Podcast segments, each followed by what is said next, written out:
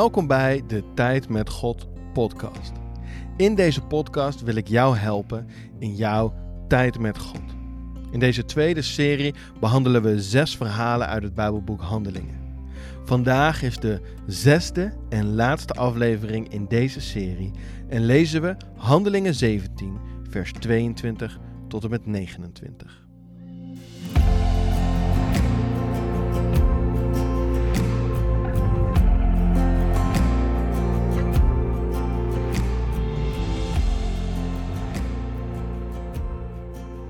Hoi, wat leuk dat je luistert.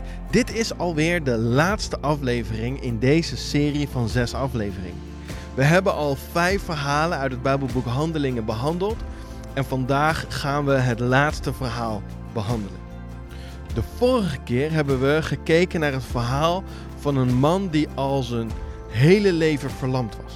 Hij zat te bedelen bij de tempel en hij zag Petrus en Johannes aankomen. Petrus en Johannes keken die man aan en ze zeiden tegen hem: Geld hebben we niet, maar wat we wel hebben, dat geven we je. In de naam van Jezus wordt gezond. En wat we geleerd hebben door dat verhaal is dat ook wij in de naam van Jezus mogen bidden voor iemand, genezing mogen vragen of mogen uitspreken over iemand. Alleen dat als we dat doen, dat we dat wel vanuit de juiste volgorde moeten doen. Dat we vanuit onze intimiteit met God onze identiteit gaan ontdekken. En dat we van daaruit de autoriteit mogen nemen om voor iemand te bidden, bijvoorbeeld. Het begint altijd bij intimiteit met God. En vanuit onze intimiteit met God groeit onze identiteit. En van daaruit krijgen we autoriteit om mee te doen in het koninkrijk van God. Vandaag komt Paulus aan in de grote stad Athene. En terwijl hij door die stad heen loopt, raakt hij geïrriteerd. Want hij ziet van allerlei goden. Een god voor de zon, een god voor de oogst, een god voor de seks, een god voor het geld, een god voor gezondheid. Noem het maar. Je kan het zo gek niet bedenken of in Athene had. En Paulus die irriteert zich daaraan. En daarom gaat hij in gesprek met allerlei Joden en Grieken over dat wat zijn overtuiging is. En op een dag nemen ze mee naar de Areopagus, de grote berg waar heel veel van dat soort beelden staan. En dan valt hem iets op. Hij ziet daar een afbeelding staan met een bordje erbij en op dat bordje staat voor de onbekende God. En dan gaat Paulus in gesprek met de mannen die daar om hem heen staan. En dan lezen we in Handelingen 17 vanaf vers 22 dat Paulus zegt: Mannen van Athene, ik zie dat jullie veel ontzag hebben voor de goden. Want ik heb heel veel heiligdommen in jullie stad gezien. Ik heb zelfs een altaar gevonden waarop staat voor de onbekende God. Over die God kom ik jullie vertellen. Jullie aanbidden Hem nu zonder dat jullie weten wie Hij is. Maar Hij is de God die de wereld en alles heeft gemaakt. Hij is de Heer van hemel en aarde. Hij woont niet in tempels die door mensen zijn gemaakt. Hij laat zich ook niet door mensen dienen omdat hij zelf iets nodig heeft. Want hij zelf geeft aan iedereen leven en adem en alles. Hij heeft uit één enkele mens alle volken gemaakt om over de hele wereld te gaan wonen. Hij heeft de grenzen vastgesteld van hun woongebieden. Hij heeft bepaald wanneer en hoe lang zij zouden bestaan. En hij wil dat de mensen hem zoeken. En als ze hem zoeken, zullen ze hem vinden. Want hij is niet ver bij ons vandaan. Als ik dit Bijbelgedeelte lees, dan zegt mij dit iets over hoe ik met andere mensen om mag gaan. En zeker als het gaat over wat we dan met een mooi woord zeggen, evangeliseren. Wanneer wij evangeliseren, dan vertellen we andere mensen over God, over Vader, Zoon en Heilige Geest. Over het goede nieuws, namelijk dat God niet boos is op ons, maar heel graag een relatie met ons wil. En in dat evangeliseren daar kan het soms nog wel eens gebeuren dat we ineens verwikkeld raken in allerlei discussies. Of kan het gebeuren dat we aan het vertellen zijn en dat mensen niks willen horen. Nou, volgens mij zijn die drie woordjes van de vorige afleveringen ook hierin weer heel erg belangrijk. Intimiteit, identiteit, autoriteit. Want als wij beginnen, net als Paulus, met onze intimiteit met God, wij Hem leren kennen en ontdekken hoe Hij naar ons kijkt, dan kunnen we van daaruit onze identiteit halen, onze veiligheid en onze zekerheid. Als we dat doen, dan zijn we dus niet meer afhankelijk van de mening van andere mensen. Dus dan zijn we ook veel minder bang voor de afwijzing van andere mensen. En dat maakt dat we veel makkelijker autoriteit kunnen nemen in het gesprek met anderen over Vader, Zoon en Heilige Geest. En als we dan kijken naar dit verhaal, dan zien we dat Paulus begint bij het zien van het positieve in deze situatie. Daar waar hij eerst geïrriteerd over is, namelijk al die verschillende godsbeelden. Dat gebruikt hij vervolgens als iets positiefs. Hij zegt: Ik zie dat jullie veel ontzag hebben voor de goden. En ik denk dat dat ook een aanmoediging voor ons mag zijn. Ik weet niet hoe het met jou zit, maar ik ben vrij snel geneigd om te kijken naar iemand die niet leeft met God en vooral de negatieve kanten daarvan te zien. En als we niet oppassen met elkaar, dan zijn we vrij snel bezig met te vertellen wat die ander allemaal niet goed doet. Nou, als ik kijk naar wat Paulus hier doet, dan is dat niet waar hij mee bezig is. Nee, hij, hij betitelt dat juist als iets positiefs. Hij zegt: Ik zie dat jullie hele godsdienstige mensen zijn.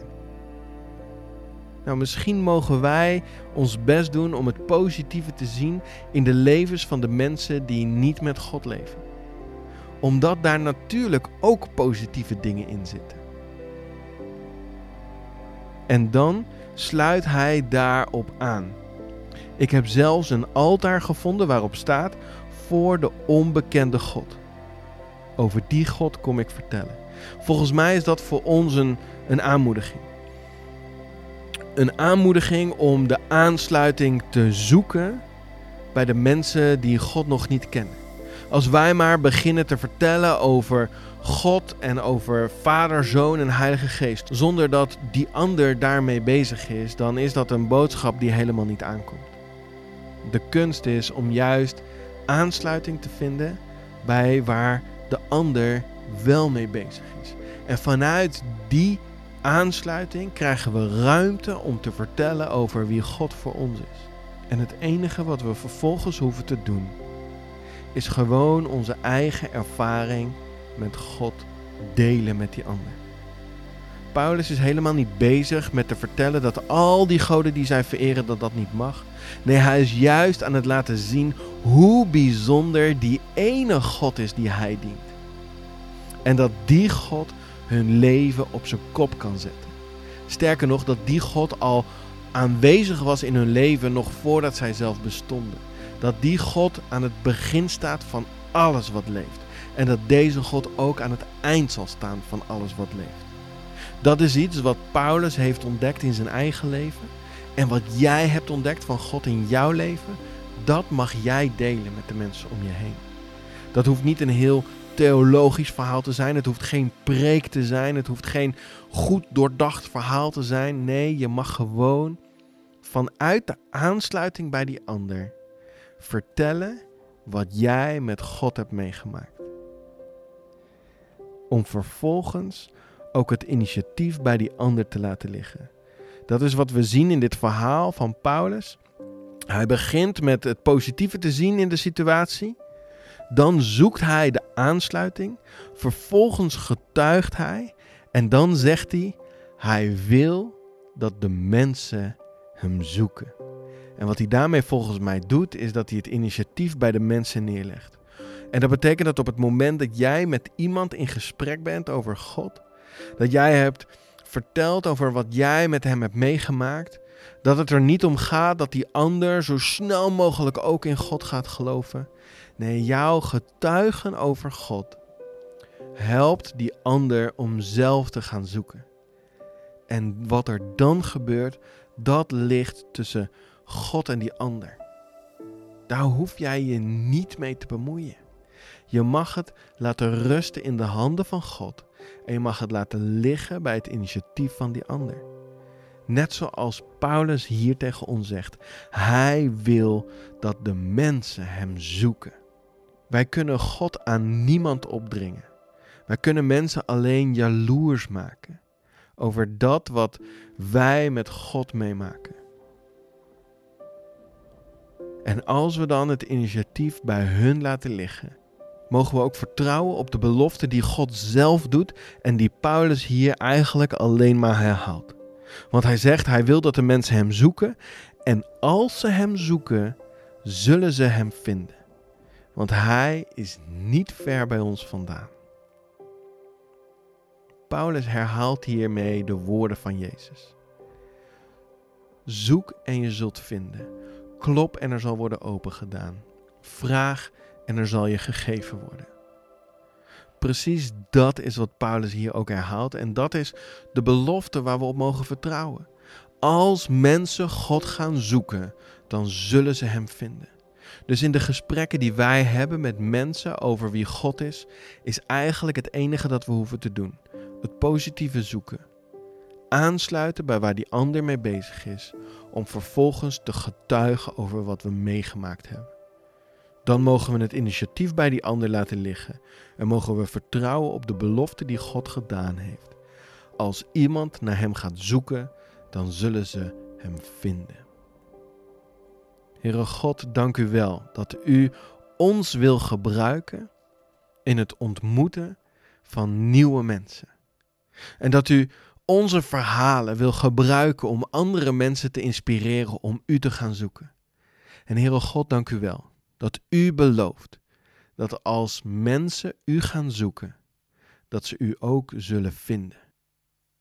En Heer, als wij zelf u soms zoeken, dan vragen we u ook, wilt u ook uzelf door ons laten vinden?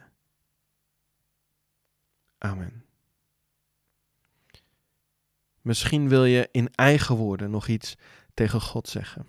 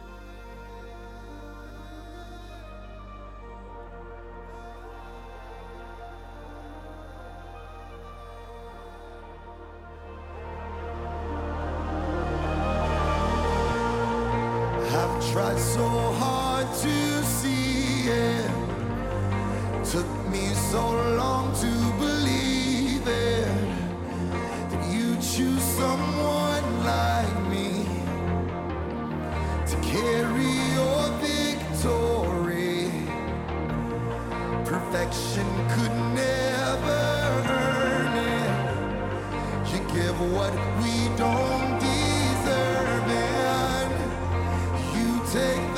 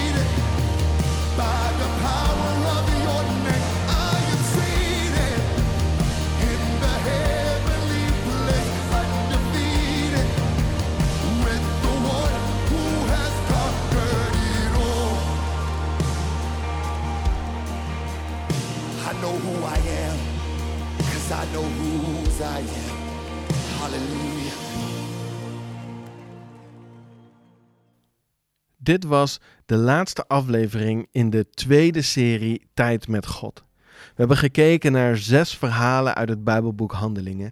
En daarin hebben we ontdekt dat er drie sleutelwoorden zijn in onze relatie met God. Het begint bij intimiteit. Daardoor ontdekken we onze identiteit. En dat geeft autoriteit. Ik hoop dat het je bemoedigd heeft. Ik hoop dat het je rijker gemaakt heeft in je relatie met God. En ik moedig je aan om ook na deze podcast gewoon zelf verder te gaan in jouw relatie met God. Voor nu wil ik je bedanken voor het luisteren. En misschien wil je de moeite nemen om mij eens een berichtje te sturen over hoe je deze serie ervaren hebt.